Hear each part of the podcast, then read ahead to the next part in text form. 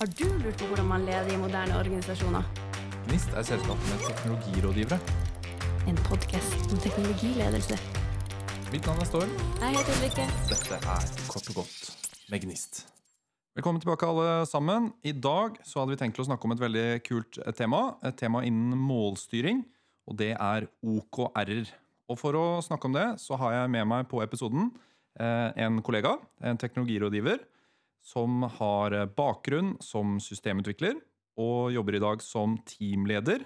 De siste årene så har han drevet mye med OKR-er. Velkommen, Niklas. Takk. Vi pleier jo alltid å begynne disse episodene veldig enkelt.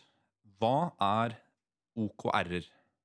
OKR er egentlig to ting. Det um, OKR er liksom en måte å formulere uh, effektbaserte mål på. Og så er det en litt løst uh, sammensatt sett med regler og best practices for å uh, følge de her målene i en organisasjon. Kan man si at OKR er et form for strategiverktøy, eller hva er det for noe? Det er jo et verktøy som du har i, i verktøyskassen rundt strategier. Det er jo kanskje mer enn et verktøy for å implementere strategi. Så hvis du eh, Eh, har kanskje brukt noe annet du har sett på markedet, eller funnet en annen måte hvordan du har lyst til å gå videre med strategien, så er OKR en metode for å måle at du har eh, fulgt den. Kan man si det? Det kan man vel si, ja. Det er en, eh, det er en måte å formulere gode mål som gjør at du agerer og eksekverer på din strategi. Det kan kanskje være lurt å begynne med et eksempel. Eh, hvordan ser en OKR ut? Hva kan en OKR være? En OKR ser ut som at du har delt opp um, ehm, i objective og key result. Så det er en måte å formulere et mål på den, på den måten. Da. Der objective er effekten du ønsker å oppnå, og key results er uh, eh, den måling som sier om du har oppnådd det eller er på vei. Så vi liker att tänka på det som att vi delar upp um, i objective, key results och initiatives just för att man kanske kommer från en vardag där man uh, har satt sig mål som egentligen är rena tilltak. Men man tränger att ta ett steg tillbaka och se på vad är det vi önskar att uppnå med de här tilltaken och därigenom då formulera sig. Det är det som OKR hjälper dig att formulera på en måte. Så ett exempel kan vara för exempel att eh, du önskar att bli mer synlig för dina kunder. Eh, vad lägger du i det? Vad menar du med det? Jo, då definierar du ett antal key results där. Kanske du ska öka antalet eh, klick eller interaktion på, på LinkedIn-poster med si så mye. Eh, kanske du vill ha en key results på ett antal kunder som kontaktar bedriften går upp med för exempel 50 eh, Eller att du får flera sökande på, på stillinger som du utlyser. Så med de två tingene, med objective och key results, så har du egentligen bara definierat vad det är du önskar att uppnå, att du vill bli mer synlig, och så har du definierat hur hvordan ser ut när vi har uppnått detta. Jo, då vill vi ha eh, dessa key results. Du säger, du säger ingenting om hvordan det är du ska komma dit, utan det lämnar du på en måte åpent. Du har kanske idéer för det, du kanske har tänkt dig några tilltag, Eh, du kanske tänker att vi ska köra en marknadsföringskampanj eller att vi ska delta på så många eh, konferenser. Eller kanske starta en podcast. Eh, men du lämnar det lite grann öppet för de kan, det kan ju finnas många vägar fram till ett mål. Jag tänker ju att detta kan vara ett väldigt bra verktyg om man har lust på autonoma team. Alltså att du berättar teamen rätt og slett bare man ska uppnå och hur man kan måla. det. Og så är det upp till teamen att bruka deras kompetens, motivation och initiativ till att faktiskt uppnå målen slik de tror eh, det är bäst? Ja, det är ju precis det som är en av eh, uh, tingarna med OKR, då, att det eh, promoterar autonomi.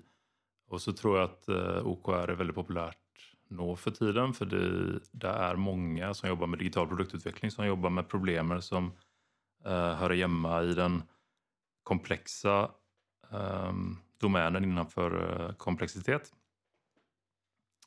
Och då är det enklare kanske att hålla sig till vad det är man önskar att uppnå och hur man vet att man har uppnått det, och inte låsa sig till exakt hur man gör? det. Det ingen eh, fix uppskrift för hur du ska komma fram till det du vill uppnå.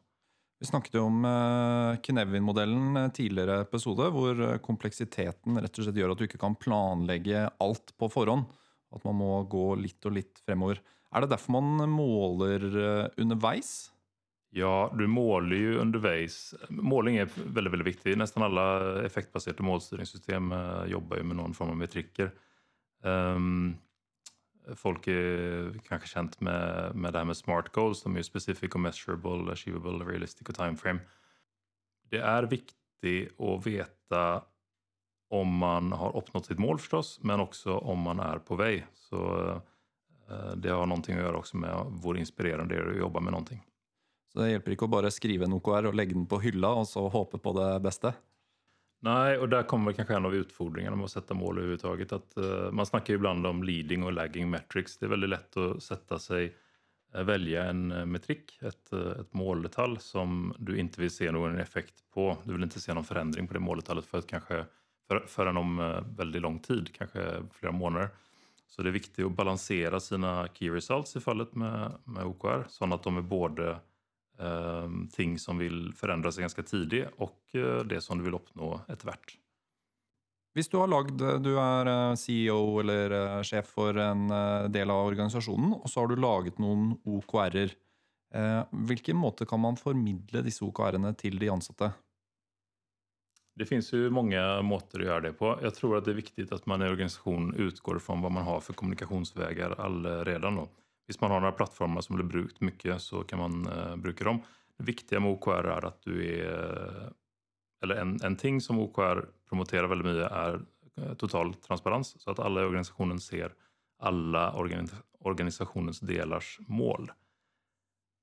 Um, sen om man ska bruka något uh, internt verktyg som man har, kanske mm, ja, SharePoint och den typen av ting eller om man ska skaffa sig ett externt verktyg. Det är nog väldigt upp till var man är i organisationen. Hvis man har drevet hvordan, med OKR en stund, og så si det har gått tre måneder eller seks måneder, og så skal du følge opp disse OKR-ene, hvordan eh, gjør man det? Ja, Det är ett intressant spörsmål. Det är väldigt, väldigt viktigt. Då. Det är flera som vi har sett som uh, begynner med att sätta sig OKR men som uh, lite grann på att följa upp dem. Då. Där, finns det, där syns också att man ska jobba med existerande strukturer. Har man en, eh, en viss kadens, säg att det är en eh, ledargrupp eh, som mötes med ett visst intervall, så ska man se till att få med uppföljning av OKR in i det, det forumet. Ehm, många läser en bok som heter Radical Focus och där föreslår de en modell som heter Monday Commitments and Friday Wins som funkar väldigt bra för utvecklingsteam och andra grupper också för så vitt där du sätter dig, eh, där du egentligen eh, går inom OKR-målen eh, varje var uke. Så att i det du sätter dig vad som är viktigast för denna uken så gör du det utifrån dina OKR. Du, du, kan på måte ha, kan man ha OKR på flera nivåer? Att du har någon OKR som kanske är laget av ledelsen och så gör man de om till vad detta betyder för mitt team och min gäng? Ja, helt riktigt. Att du, du kan egentligen starta eh, bägge ändar. Jag har varit med om att man har startat med utvecklingsteam som sätter sig mål själva. Eh, det är en väldigt intressant översyn i sig själv för då vill du se lite grann eh, hur väl alignat, eller vad ska man säga, hur samkört de här utvecklingsteamen är med kanske sällskapets vision. Eller så kan du, eller både och, då du kan begynna med, med ledelsen, att de sätter sig mål. Och så går det ju på att då kan grupper och, och, avdelningar och team i sällskapet se på ledelsen sina OKR och säga vad för mål tränger vi att sätta oss för att um, hjälpa upp mot dessa OKR. Så det, det kan, man kan se på det som en form för verktyg för att få lite rättning då, i förhållande till den visionen som uh, organisationen har uh, laget kanske? Ja, OKR ska ju beskriva rättning, helt riktigt. OKR ska ju beskriva det som är det absolut viktigaste att uppnå. En, eh, I OKR ligger ju detta med hänsynslös eh, prioritering så att eh, du ska komma ner till de få viktigaste objektivene för den perioden som du går in i. Är det, är det någon måte man kan bruka OKR fel på? Är det något man kan göra galt som gör att systemet ödelägger mer än det hjälper? Inte så att det ödelägger mer än att det hjälper definitivt inte. Du kommer alltid uppnå, eh, eller min erfarenhet i alla fall är att eh, oavsett hur du jobbar med OKR så kommer du uppnå någon positiva ting. Eh, ofta får du ett ökt fokus på de tingarna som du har definierat som det viktigaste objektiven för den kommande perioden. Men du kan ju göra ting bättre eller sämre. Visst du försöker in, inkludera allt för mycket i en objektiv, för exempel. Om du har för många objectives eller att du inte har kontroll på de eh, målparametrarna, de metrikerna som du brukar i dina key results.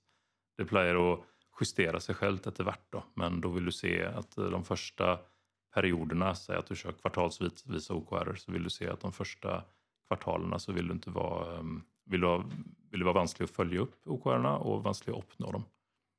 Det är någon, någon fel då som, som kan ske.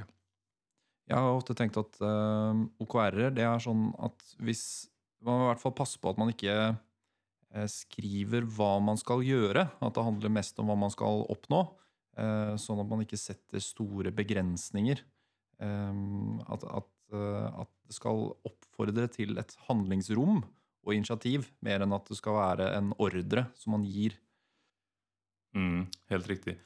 Det er mycket det det går på i starten. Att finna fram till eh, riktig nivå och lägga de här objectivesen på. Eh, och att objektiven egentligen beskriver effekten du vill uppnå och inte ett specifikt tilltag som du säger.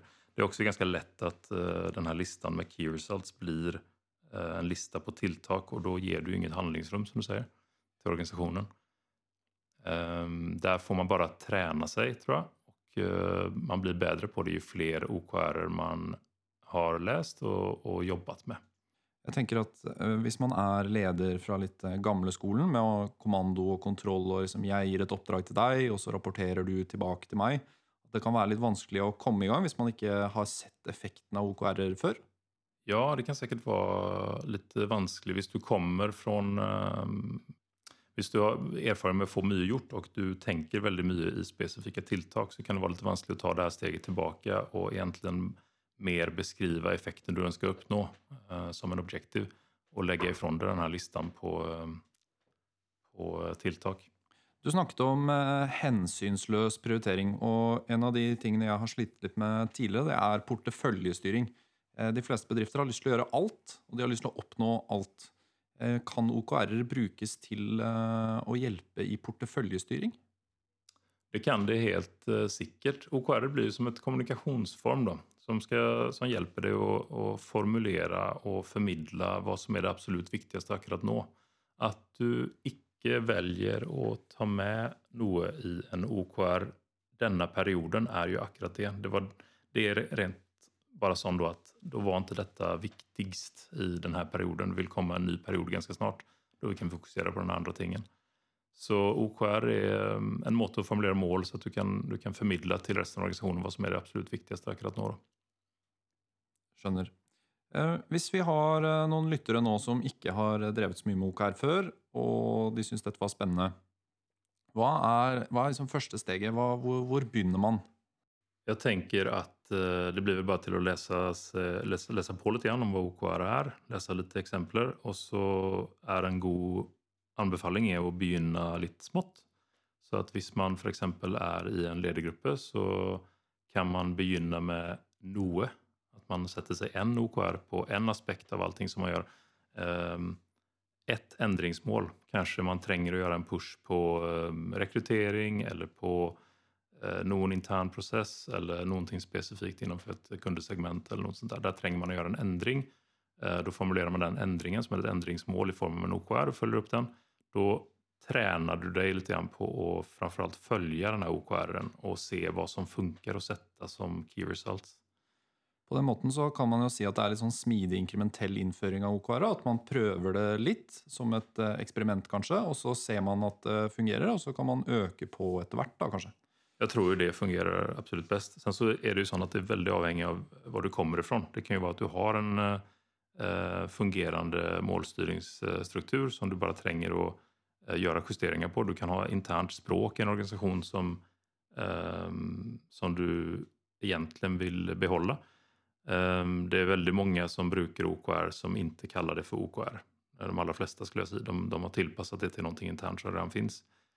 Ehm, du kan också starta, jag skulle säga det också, att du kan, du kan ju starta från teamen. Att, uh, att uh, du lar individuella team sätta sig egna OKR för att kommunicera upp över i organisationen vad, vad som är det viktigaste för dem akkurat den här perioden. Väldigt kult. Eh, det var ju OKR då, Niklas. Tusen tack för att du kom. Tack. Så säger vi att det var eh, kort och gott för denna gång. På gensyn. Har du lurt på hur man leder i moderna organisationer? Gnist är selskapet med teknologirådgivare. En podcast om teknologiledelse. Mitt namn är Storm. Jag heter Ulrika. Dette er Kort og godt med Gnist.